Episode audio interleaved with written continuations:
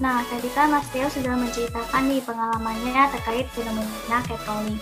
Lalu sekarang aku ingin tanya ke Mbak Afida nih, apakah Mbak Afida ini sendiri mengalami fenomena catcalling ini?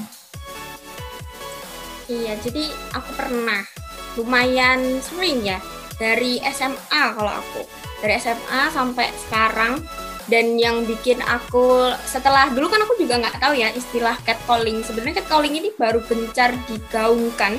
Akhir-akhir ini nggak sih ya kan?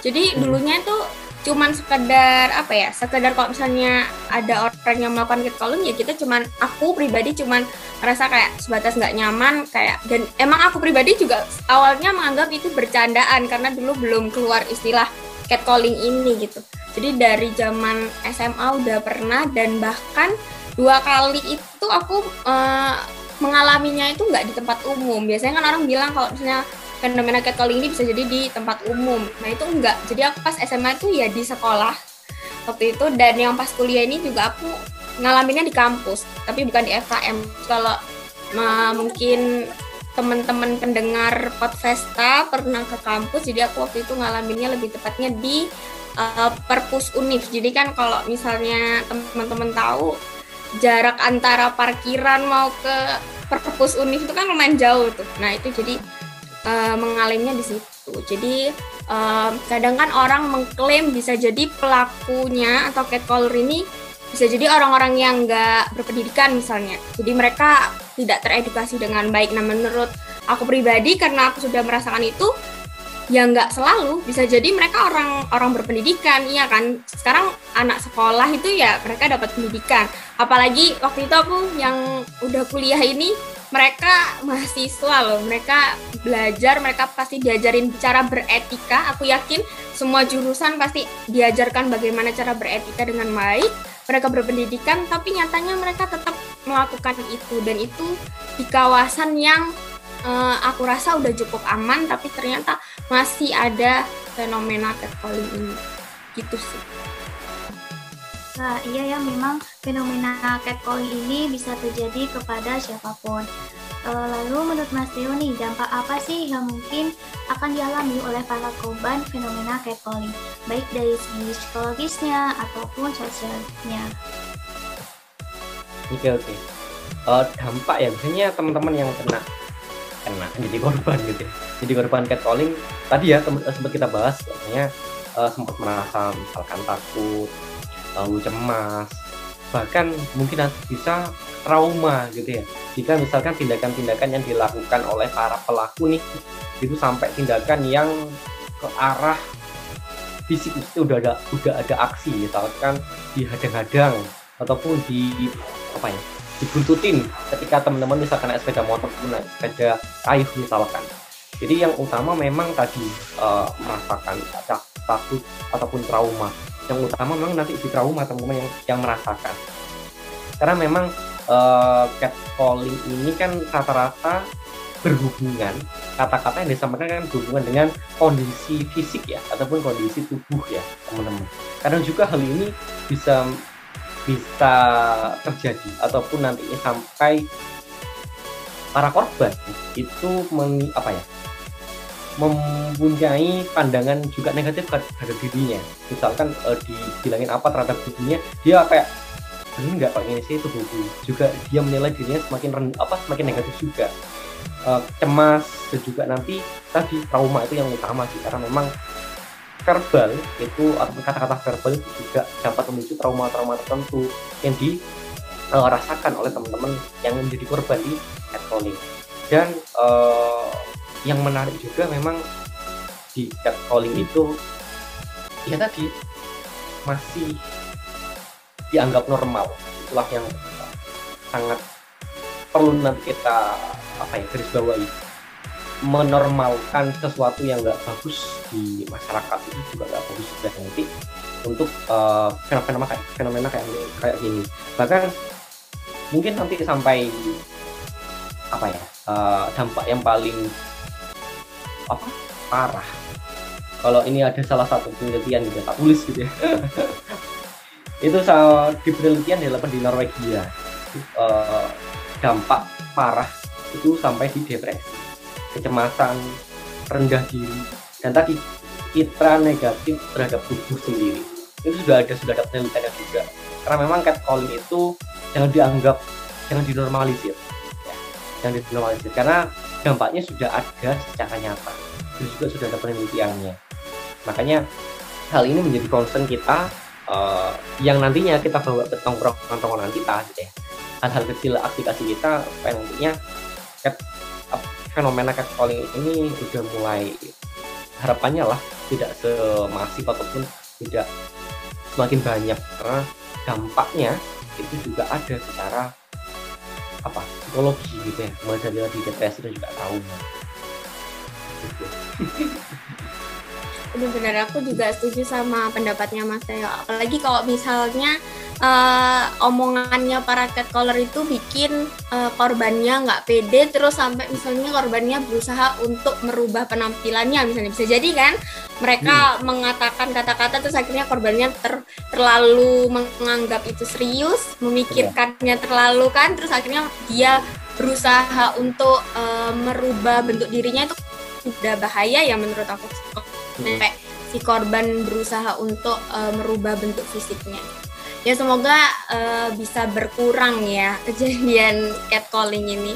Terus kan juga terkadang para catcaller ini usilnya itu yang bisa sampai bersiulnya dengan kencang atau membunyikan klakson misalnya kita lagi jalan terus mereka oh, bunyi iya. klakson sampai kita kadang sampai minggir-minggir udah minggir tuh padahal masih diklaksonin atau bahkan mungkin menggoda dengan ada bicara yang nggak biasa itu tadi hal-hal kayak gini kan udah pasti bikin si korban itu merasa malu karena otomatis dilihatin orang banyak terus takut risih terus mungkin nggak merasa nggak nyaman nah untuk uh, menurut Mas Teo pribadi adakah tips untuk uh, para pendengar podcasta untuk merespon atau menghadapi tindakan para catcaller ini jika sewaktu-waktu mereka mengalami fenomena ini? Oke oke oke. Tadi aku juga sempat sempat survei survei ya survei sederhana pada teman-teman di uh, di teman-teman duta terutama kemarin. Tadi di mana uh, teman-teman misalkan uh, ada seorang yang melakukan catcalling kepada teman-teman gitu ya yang teman-teman cewek duta kita tanya sih ada macam-macam jawabannya gitu. Yang pertama ada yang ya udah terus biarkin aja. Oh ya juga nggak nggak nggak sampai di sentuhan fisik menurutku ya nggak masalah. Kita bilang seperti itu. Ada yang langsung di digas. Maksudnya digas itu pakai nada yang tinggi juga. Ya, maksudnya langsung ditegur dengan intonasi yang tinggi. Misalkan menggunakan kata-kata ataupun uh, kalimat yang menyatakan bahwa sikap mereka itu tidak ada diterima. Jika mereka itu ya nggak keren. Jika mereka jika mereka itu ya nggak nggak akan membuat kita tertarik. Juga ada yang jawab seperti itu. Ada lagi yang uh, menjawab ya udah mas di, di anu aja menghindar aja. Oh ya juga misalnya kita menghindar area uh, area area yo paling juga akan nggak peduli gitu itu cuman yang penting memang hal ini kita sebagai korban um, lebih baiknya ataupun lebih enaknya memang tadi uh, kalau memungkinkan ya di dihindari aja maksudnya cuman juga bisa teman-teman ini memberikan respon tadi penegasan bahwa tindakan kalian itu ya tidak akan membuat kita tertarik juga gitu ya jadi ke, kalau misalkan apalagi kalau misalkan teman-teman di sampai dibuntutin gitu ya ataupun diikutin. Nah itu juga kan bahaya tuh ya. Jadi kalau sudah sampai di level tadi gitu, teman juga bisa melaporkan ke pihak berwajib ataupun atau satpam terdekat lah ataupun siapa gitu ya yang uh, jika dirasa hal tadi itu membahayakan. Lapor ke pihak misalkan berwenang pihak keamanan misalkan untuk nyari misalkan perlindungan. Kalau sudah sampai di level tindakan ataupun aksi dan kalau misalkan teman-teman sudah tahu nih titik-titik lokasi yang misalkan uh, sering gitu ya sering di catcalling misalkan ya jangan sendirian misalkan dengan temennya misalkan ataupun dengan dengan seorang yang lebih bisa apa ya memberikan perlindungan kepada teman-teman. Cuman yang tadi lihat kondisi juga tadi uh, apa tindakan-tindakan ketika misalkan mau menghindari bisa dibiarkan ataupun penegasan ataupun cari uh, pihak uh, apa tugas keamanan misalkan ya, untuk biar lebih safe aja gitu. cuman yang utama nanti uh, hal ini jangan sampai terlalu dibiarkan terus juga gitu ya. Kalau dibiarkan terus juga ya dianggap mereka ya wis tak lakoni aja terus terus juga ada yang seperti itu teman jadi hal tadi bisa di teman-teman pakai melihat kondisi juga yang memungkinkan yang masuk.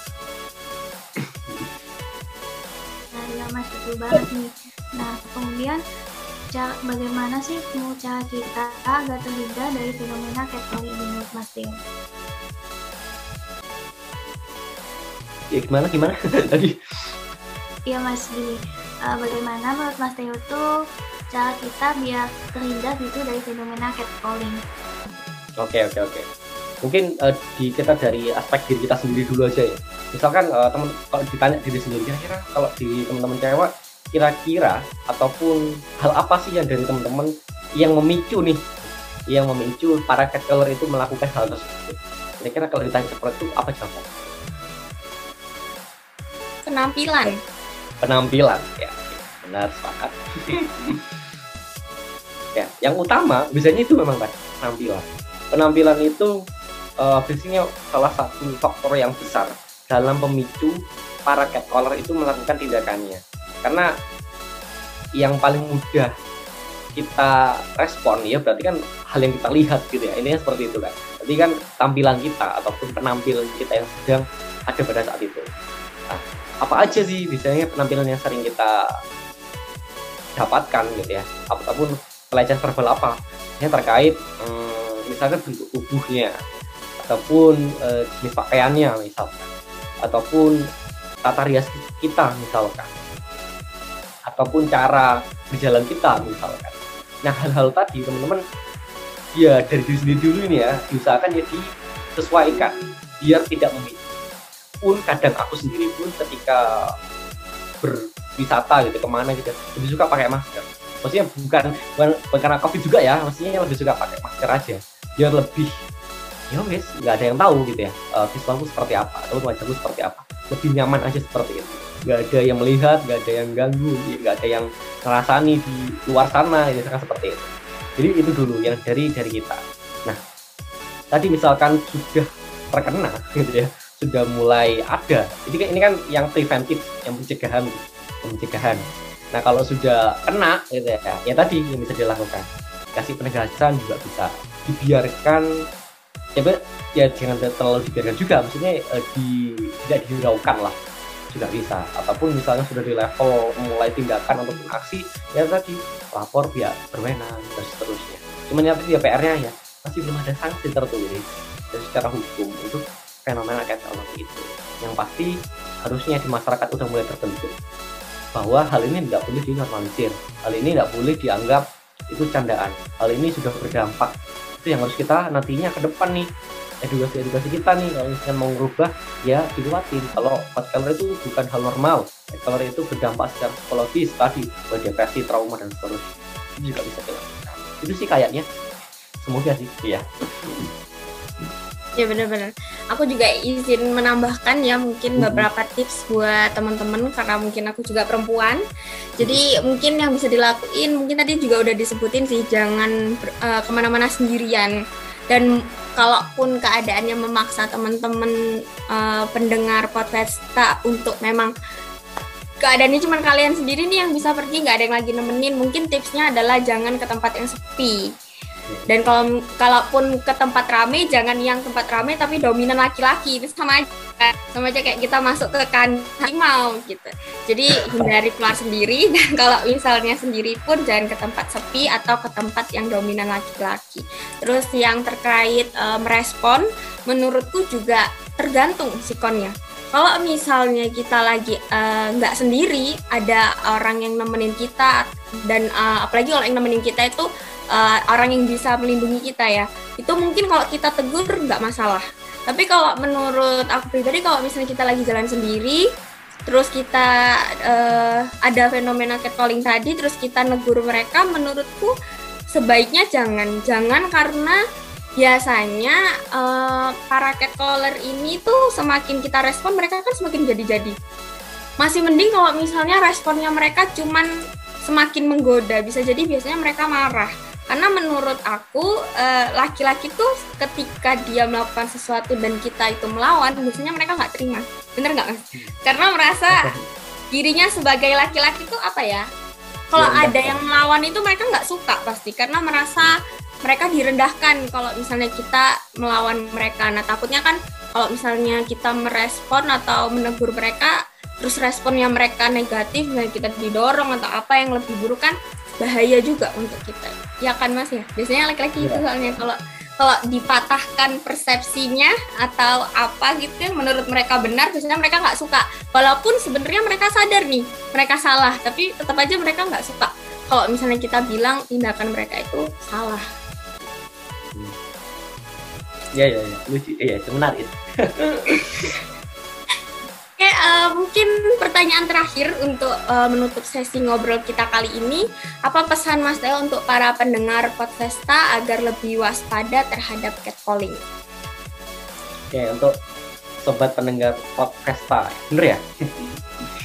oke oke, Eh, untuk seluruhnya baik untuk teman-teman yang nantinya berpotensi menjadi korban ataupun nantinya berencana menjadi pelaku, ayo, nggak boleh ya.